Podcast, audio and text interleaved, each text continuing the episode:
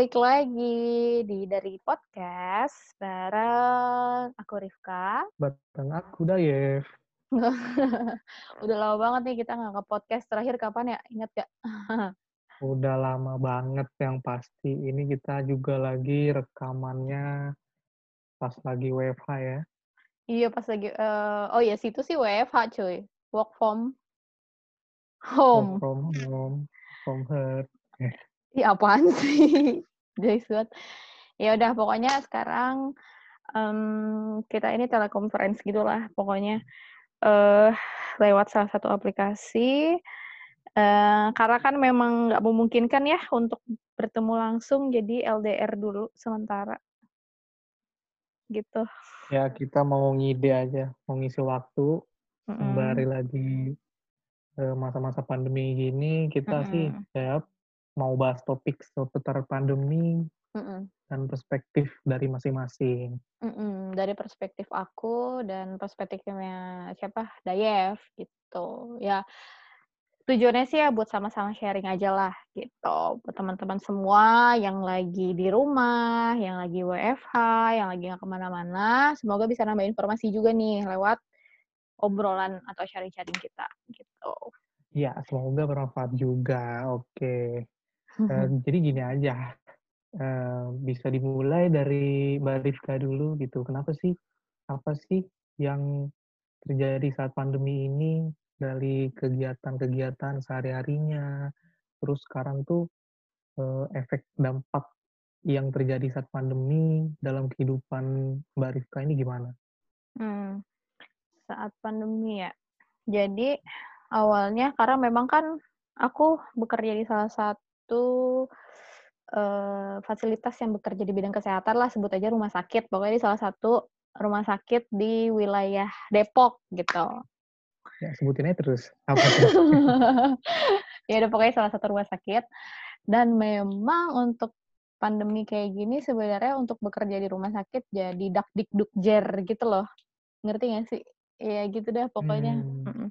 karena kan gini lewat yang udah kita apa sih yang kemarin yang bilang kalau tenaga kesehatan itu garda terdepan, terus dan beresiko tinggi untuk terpapar virus karena ya kita tahu sendiri orang kalau misalnya sakit ya ke rumah sakit gitu, nggak mungkin dong orang sakit tapi berobatnya ke warung makan, ke kafe, ke mall gitu. Pasti kan berobatnya ke rumah sakit gitu.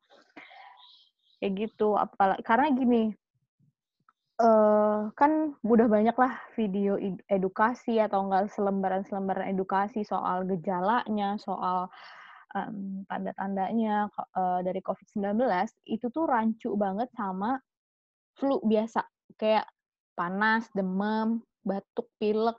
Itu kan istilahnya penyakit-penyakit yang memang uh, sering banget timbul di era pancaroba. Apalagi sekarang kan emang era pancaroba, jadi kan kayak rancu gitu loh. Kayak apa ya, samar-samar gitu gejalanya sama COVID-19 sama flu radang biasa yang biasa kita inilah, biasa pernah kita alamin lah sakitnya kayak gitu.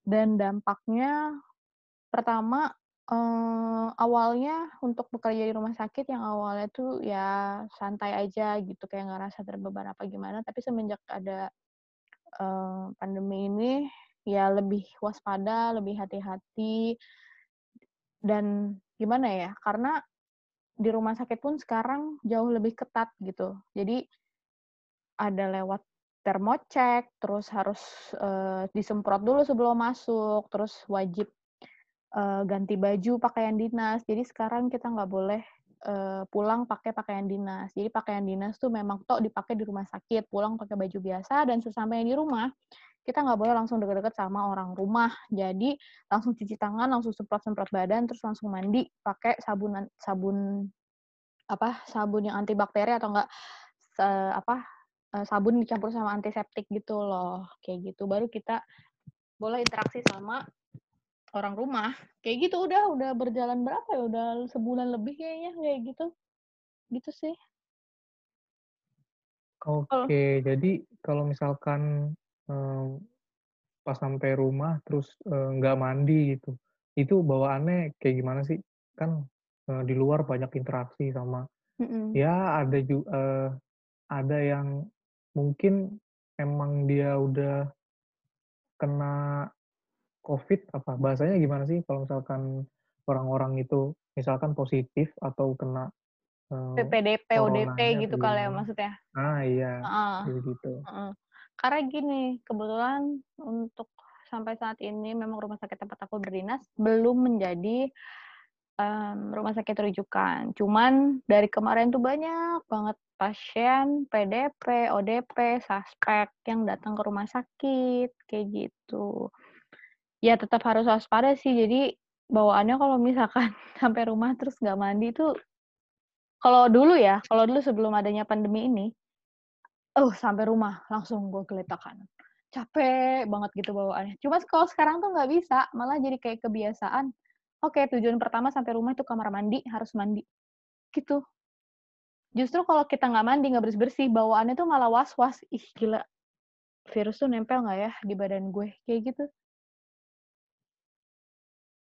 Gitu, pokoknya kayak gitu deh kalau misalkan di rumah sakit, kayak gitu. Makanya, eee, tingkat kewaspadaannya musti lebih tinggi sih, karena kan kita juga harus menyelamatkan orang-orang rumah gitu kan, karena kita nggak tahu nih apakah kita pulang bawa virus atau enggak kita nggak ada yang tahu, kayak gitu.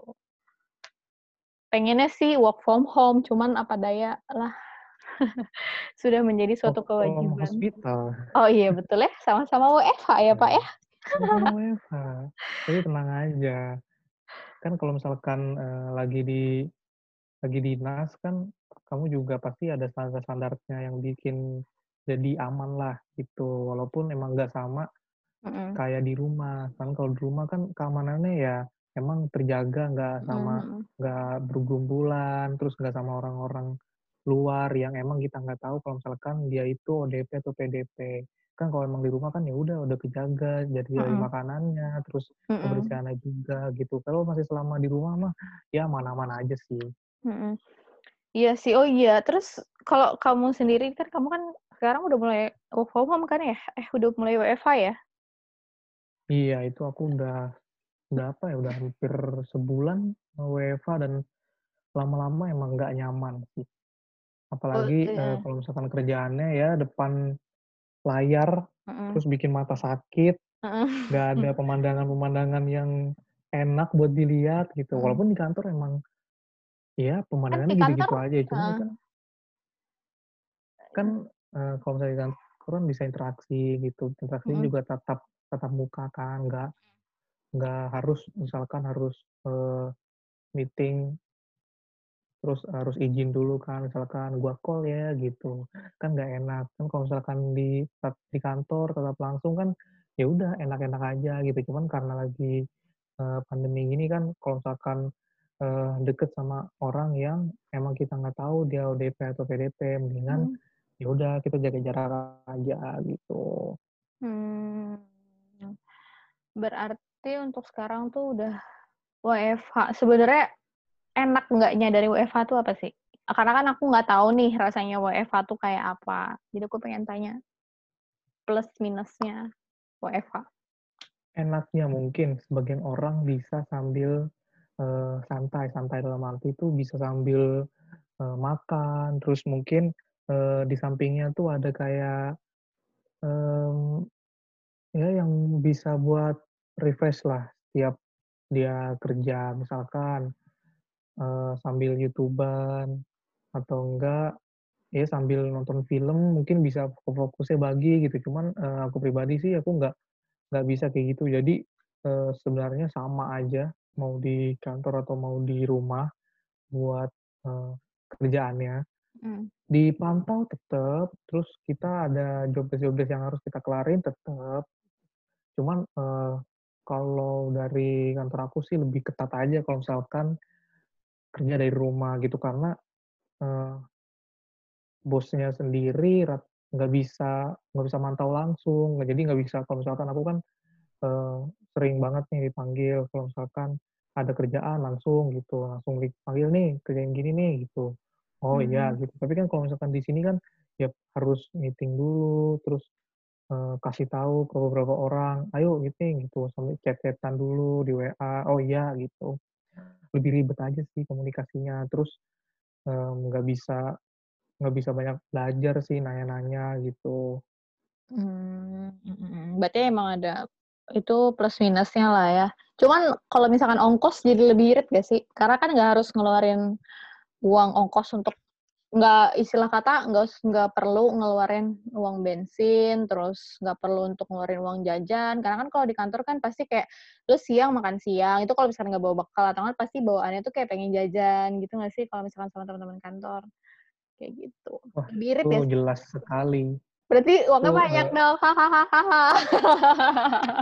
Ya bisalah beli Starbucks Ya hari lah. ya elah Starbucks doang, minum keluar lagi cuy. Iya pasti efek ngefek banget ya, apalagi, eee, kalau yang bawa kendaraan, terus makan siang juga beli, keluar gitu, itu ngefek banget. Mhm. Eee, makanya ada untungnya sih kalau misalkan kerja di rumah ya, eee, bisa minimalisir budget lah gitu dan ya aku bersyukur, ke tempat kerjaku nggak motong gaji, kan sekarang lagi Oh iya iya, bener bener bener. banyak yang di-PHK karena Mhm gaji mhm eh karena mhm. gaji, di-PHK Karena karena heeh. lagi pandemi gini, terus, Mhm mhm. eee, ada juga yang sebagian dipotong dan aku bagian dari yang ya aku masih bisa kerja, terus aku juga bersyukur masih, eee, full juga gitu. Mmm, mhm.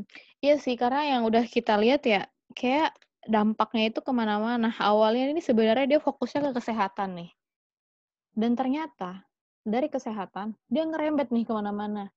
Ke ekonomi, terus ke sosial bahkan, ya kan? Iya. Padahal hebat loh, maksud eh bukan hebat sih, maksud aku gini, itu kayak istilah kata, kita tuh kayak lagi berperang, tapi kita nggak tahu lawannya siapa, wujudnya tuh nggak kelihatan, gitu. Tapi dampaknya nyata, gitu. Itu yang bikin bing yang bikin gimana ya, yang bikin kita kewalahan tuh sebenarnya itu, ya nggak sih? Kalau aku pribadi sih aku nggak terlalu, eee, tahu ya yang misalkan nggak terlalu paham lah misa eee, yang namanya kalau misalkan kita melawan, eee, penyakit yang nggak ketahuan gimana Enggak, maksud cara ngatasinnya enggak, gitu. maksudnya gini loh, lawan kita kan si virus ini nih, si virus ini.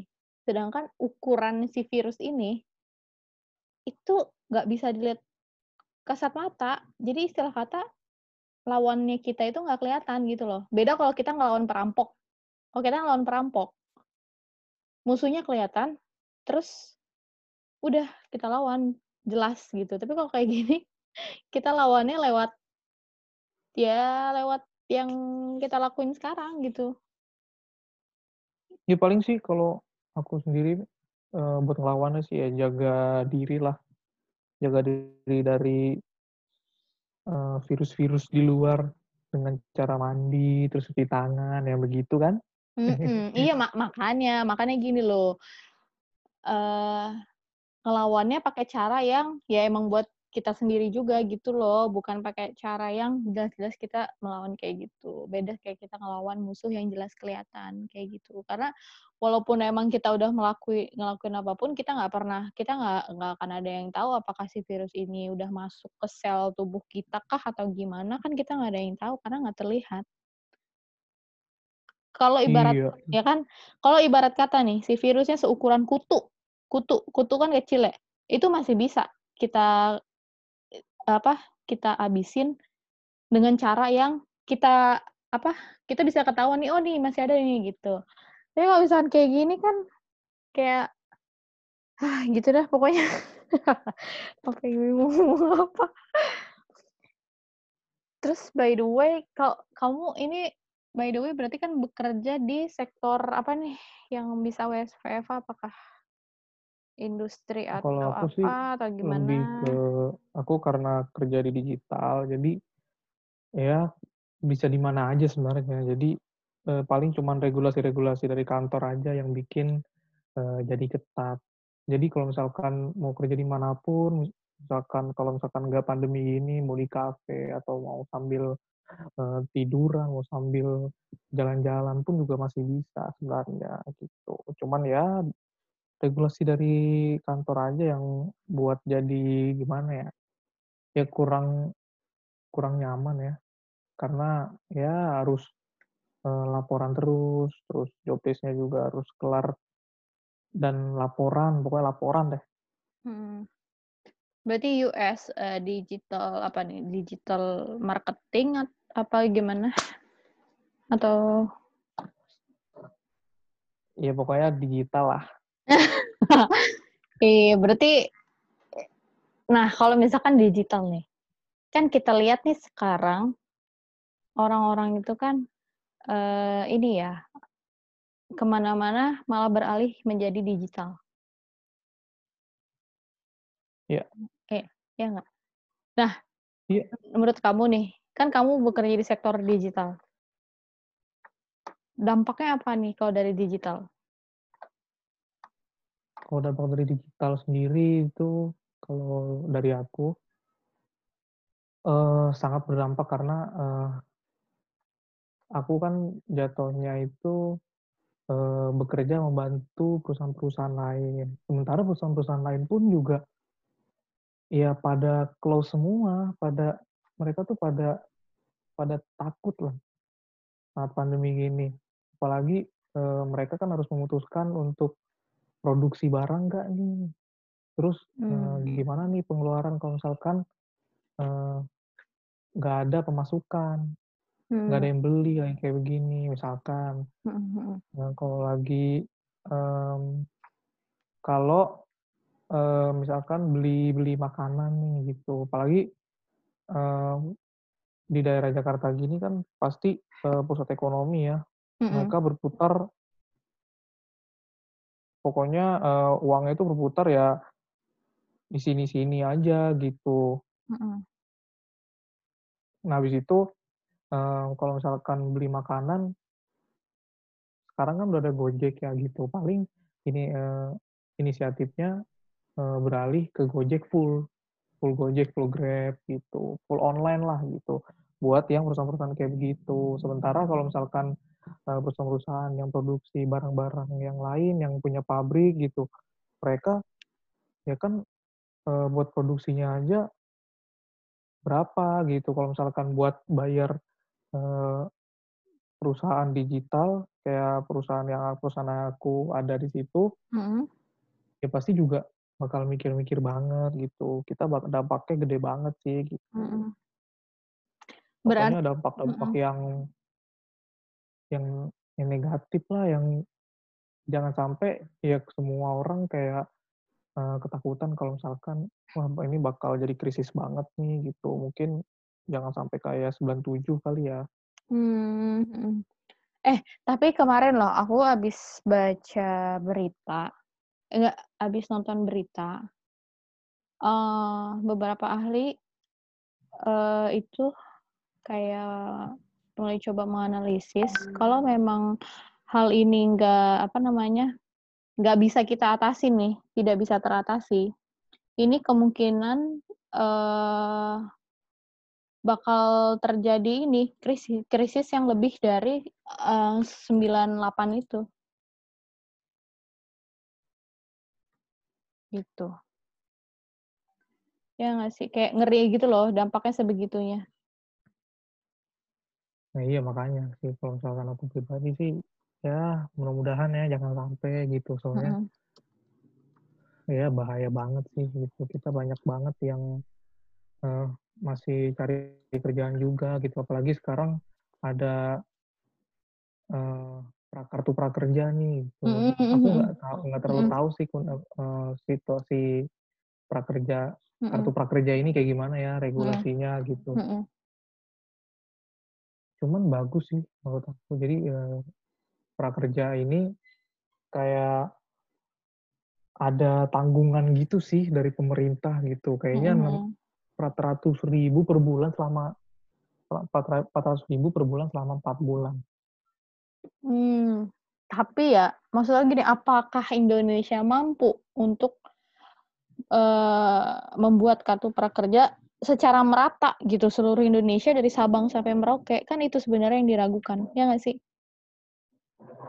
Iya.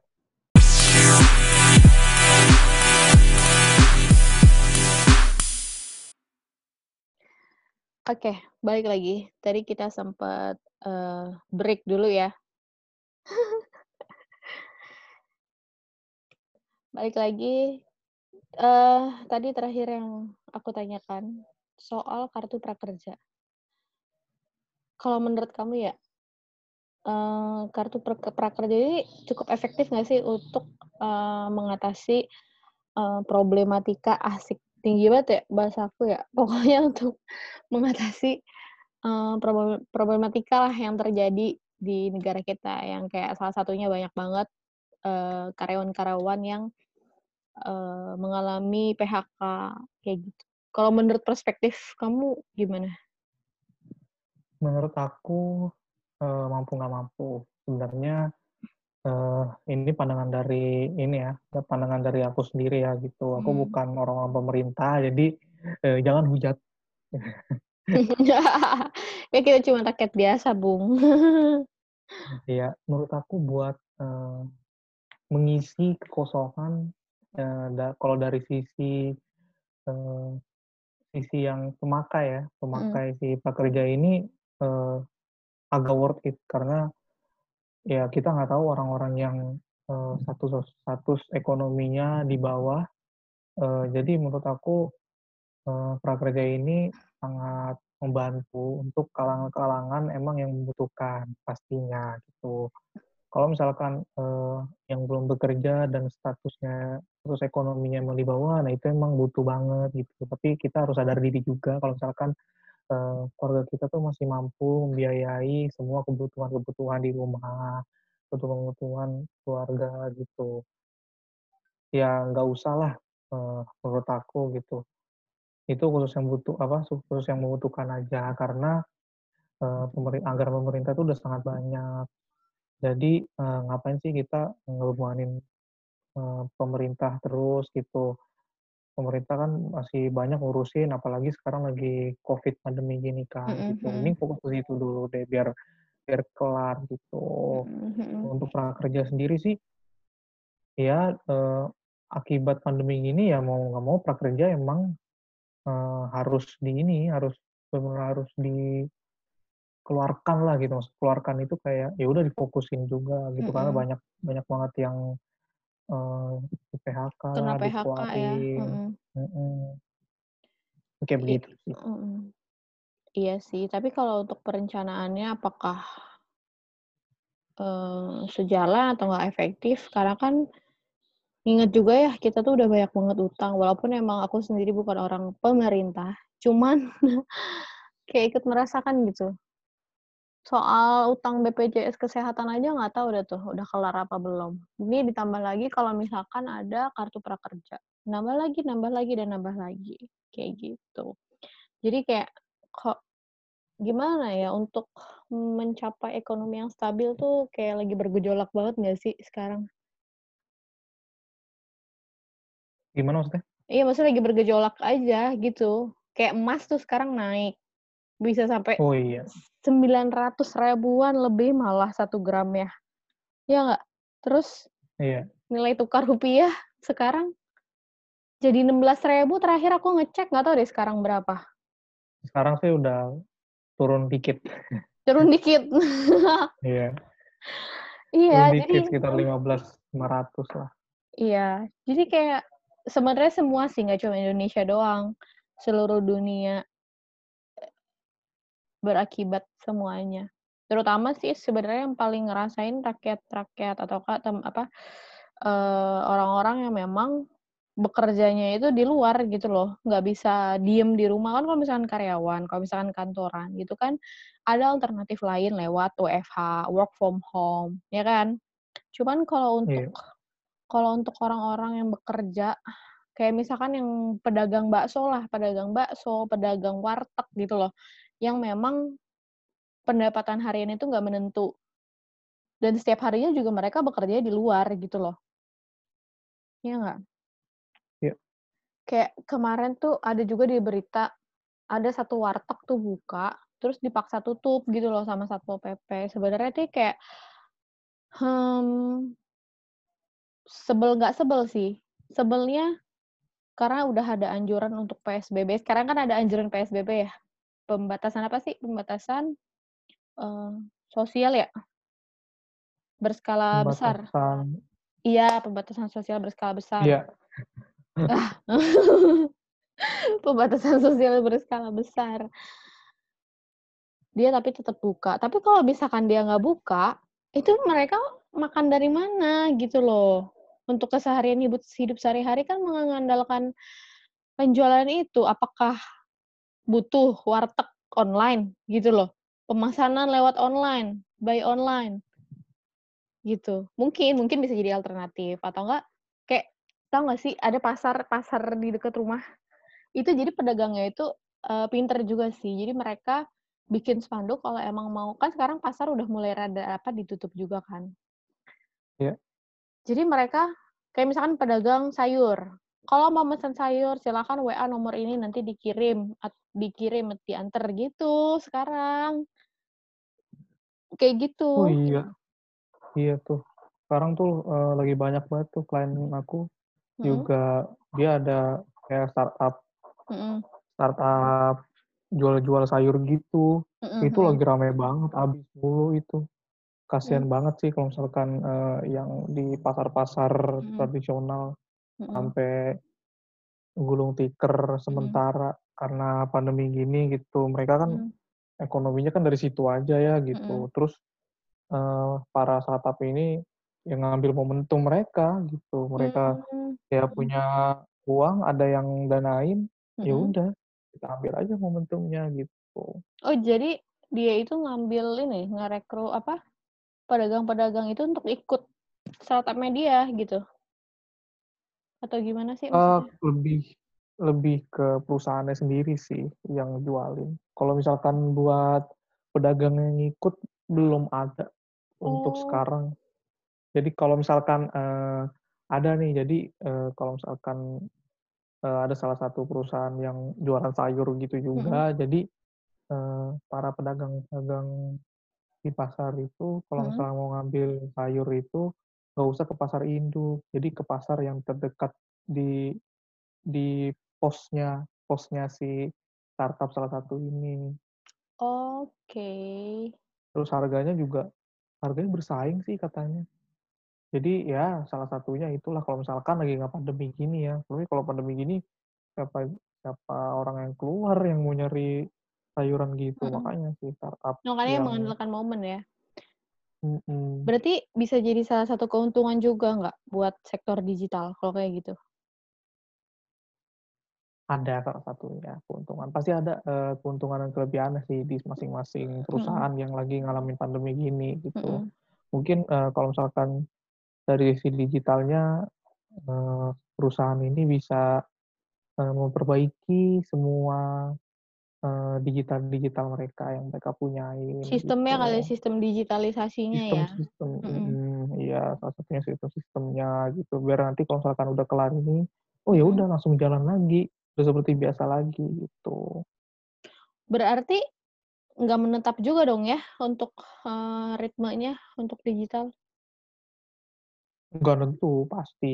Oh, Kan jadi kita bergantung sama heeh. perusahaan-perusahaan lain juga.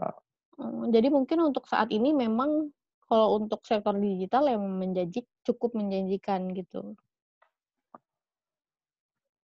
Tapi gimana? bisa dibilang iya, Heeh. tapi nggak ada enggaknya. Ya enggaknya ya itu, jadi, eee, kalau misalkan perusahaan atau startup jatuhnya kan digital tuh, ya Mhm. mereka harus gunain momentum biar biar naik, biar tetap naik gitu. Kalau misalkan, eee, dia tetap, eee, apa namanya, idealis dengan pembawaan si startup atau perusahaan itu sendiri Mhm.